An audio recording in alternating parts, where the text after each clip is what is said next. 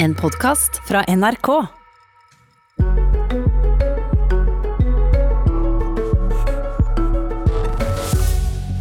Regjeringa må snart bestemme seg for om de skal endre reglene og la folk være permitterte i et helt år. Venstre må snart bestemme seg for hvem som skal leie partiet. Og de to uavklarte spørsmåla skal vi bruke tida på i Politisk kvarter. Regjeringa lova at de skulle avgjøre rett over sommeren om det skal bli lov å holde norske arbeidstakere permitterte lenger.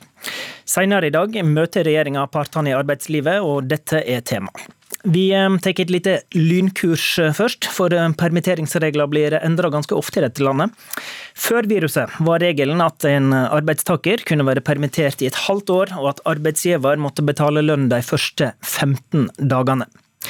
Umiddelbart etter nedstenginga av Norge bestemte Stortinget at staten tar over regninga fra arbeidsgiverne raskere. Allerede etter to dager får en nå dagpenger fra Nav i stedet for lønn fra arbeidsgiver. Og en har inntil videre sagt at de som ble permitterte i mars-april, kan være permitterte ut oktober. Men nå er spørsmålet. Skal det være lov å la folk være permitterte på statens regning i et helt år? Organisasjonene i arbeidslivet har bedt ganske unisont om dette.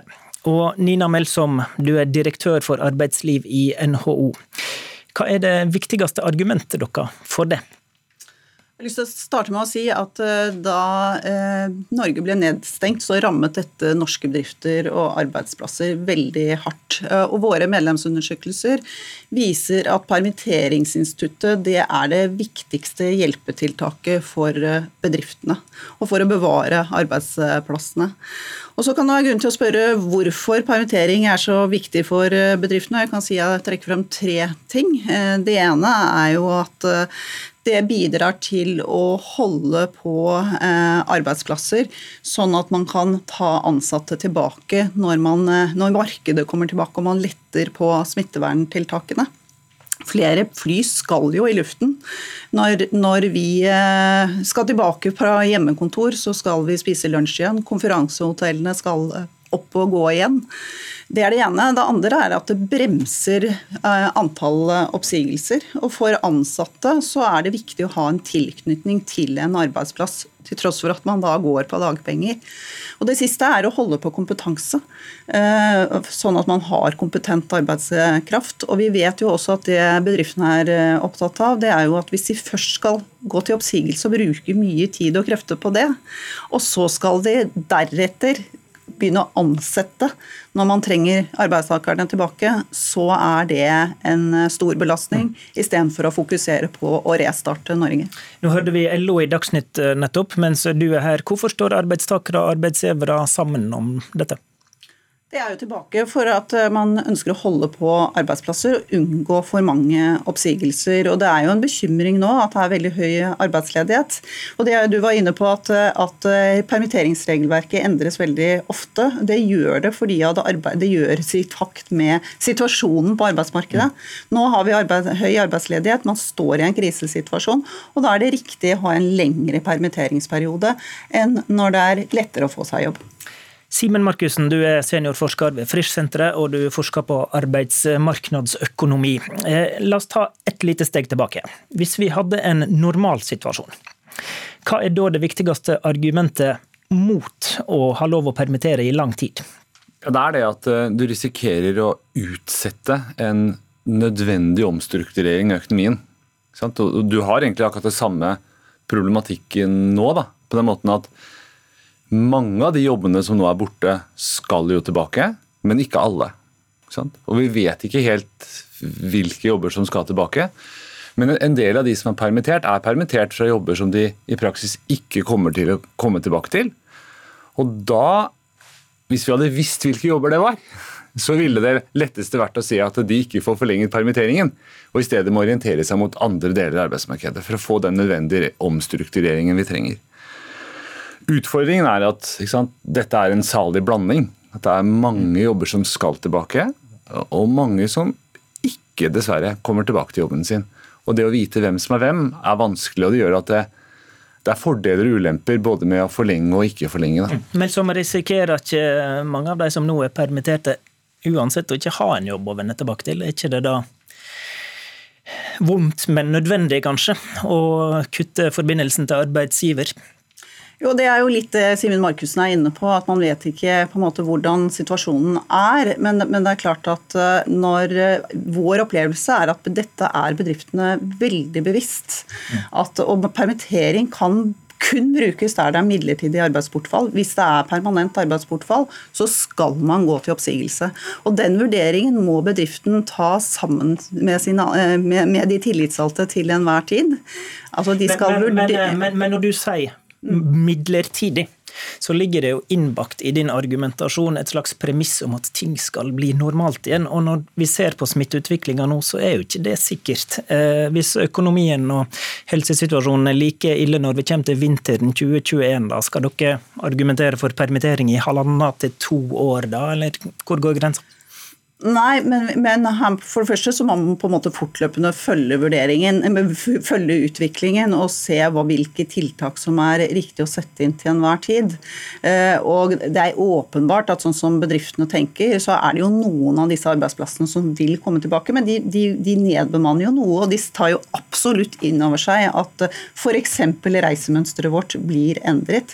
At det er flere av oss som kommer til å sitte på, på hjemmekontor fremover enn det som var tidligere.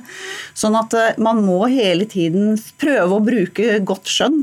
Og er det noe norske bedrifter er trent i, det er jo at det følger med på markedsutviklingen og fremtiden til enhver tid. Markusen. Ja, altså jeg tror det er mye riktig, det. Men jeg, jeg, tror det vi kanskje kan gjøre her, da, det er å, å, å legge inn en liten skal si, en slags inngangsbillett eller en egenandel i permitteringsordningen som gjør at de bedriftene som faktisk har tro på at arbeidet skal kunne ta seg opp igjen i løpet av denne permitteringstiden, at de vil betale denne inngangsbilletten. F.eks. kan det være at for å få forlenget permittering, så må man betale kanskje 10-15 dager med lønn for en ny arbeidsgiverperiode.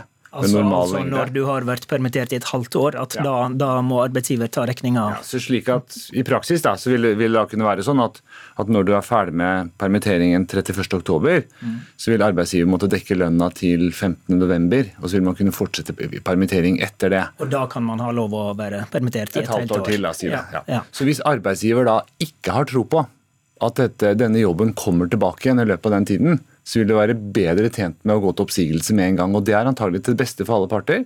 Men hvis arbeidsgiver har tro på at dette kommer til å, eh, å gå seg til, så vil man ta den egenandelen og fortsette permitteringen. Og Sånn sett så kan man på en måte bruke den informasjonen som arbeidsgivere trolig har, da, forhåpentligvis har, etter beste skjønn. Er de som veit dette best. Ingen veit. Smittesituasjonen er usikker. Å prøve å skille mellom arbeidsplasser med og uten en, en, fremtid, på sett og vis. Og Dette er jo et forslag som ligger i rapporter som ligger på regjeringa sitt bord, så det er nok oppe til uh, diskusjon. Uh, hva tenker du på arbeidsgiversida om det, da, Melsom? Det er jo et virkemiddel man har brukt tidligere. At man setter inn et stoppunkt etter 30 uker. Eh, og det som, Når man har sett på det, så ser man at det har man god erfaring med. Nettopp for å tvinge tillitsvalgte og bedriftsledelse til å tenke igjennom er dette noe som kommer til å bli varig. Så da, så da sier du egentlig ja, vi arbeidsgivere kan ja, ta litt mer noe, av den regninga, da? Ja, også, eh, ja, ja, og så kan du si at det fra, fra, bedriftenes side så er det jo viktig da at den samlende belastningen ikke blir for stor. Sånn at det er jo noe vi vil spille inn i de eh, diskusjonene. Mm. Okay, så da må man få noe tilbake fra staten på et annet punkt? Ja, det er, da blir det jo to arbeidsgiverperioder, for man har helt i starten av permitteringsperioden, og så har man da midt i. Markusen? Altså, hvis du ser det fra den andre siden, altså frykten kan jo være at dette er for snilt, på sett og vis. At, at, vi likevel vil få for mange forlenginger. Men argumentet mot det igjen da, det vil være at det, det tross alt er et ganske dårlig arbeidsmarked. Det er veldig høy arbeidsledighet. Mm. Så, vi risikerer, så risikoen ved at noen blir permitterte for lenge, er kanskje ikke så stor som den ville vært i en normalsituasjon. Ja. Til slutt, Markusen, du som forsker på dette. Nå er det sterkt politisk press på regjeringa om å forlenge denne permitteringsperioden. Hvis de går med på det, hva sier erfaringene våre da? Er det vrient å gå tilbake til kortere permitteringsperioder etter krisa? Nei, det, det, har vi tradisjon for at denne permitteringsperioden den justeres ganske fleksibelt. Så, så, det går nok bra. Spørsmålet er nok mer hva skjer om et halvt år hvis man forlenger? Da vil vi ha denne diskusjonen igjen.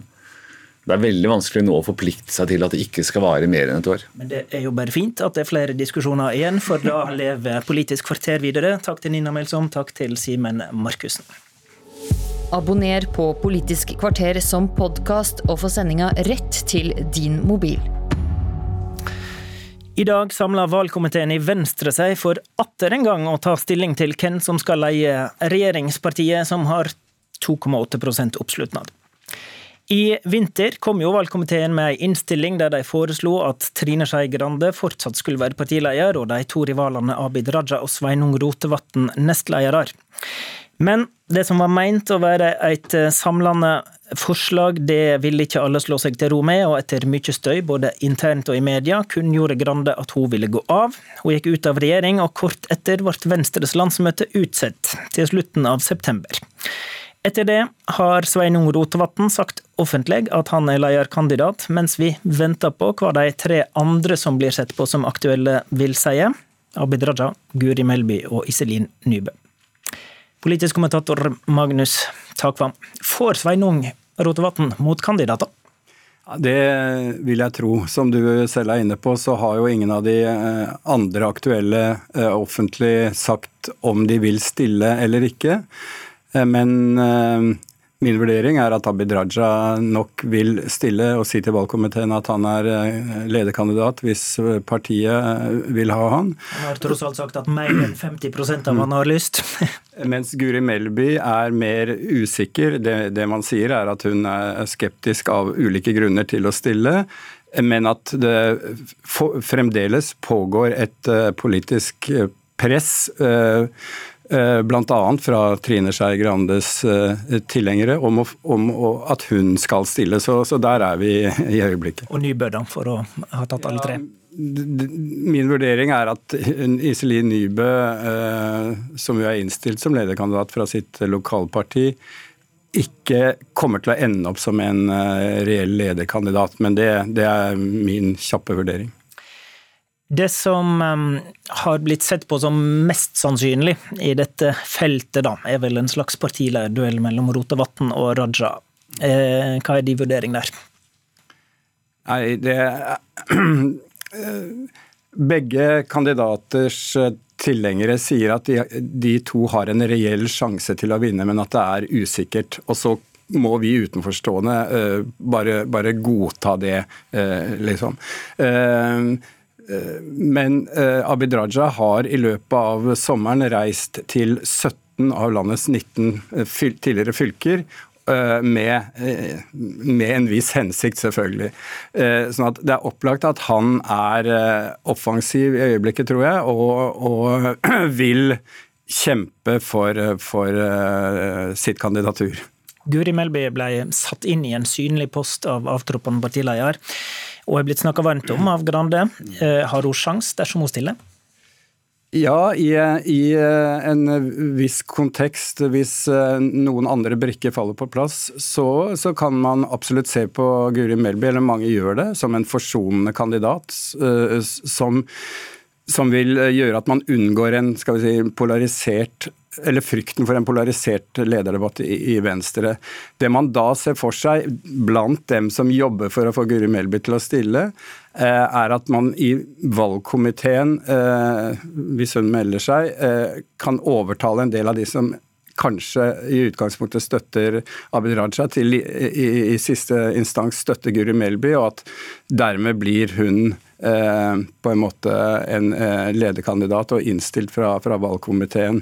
Eh, og da eh, tviler mange på at Men da er forutsetningen at Rotevatn liksom ikke stiller mot henne. sånn at som, som, du skjønner, så er det mange, mange premisser som skal til før, før det skjer. Og Rotevatn har jo sagt at han stiller. Eh, kort, kort til slutt, Ligger det noe politisk retningsvalg i dette, eller er det bare ren personstrid?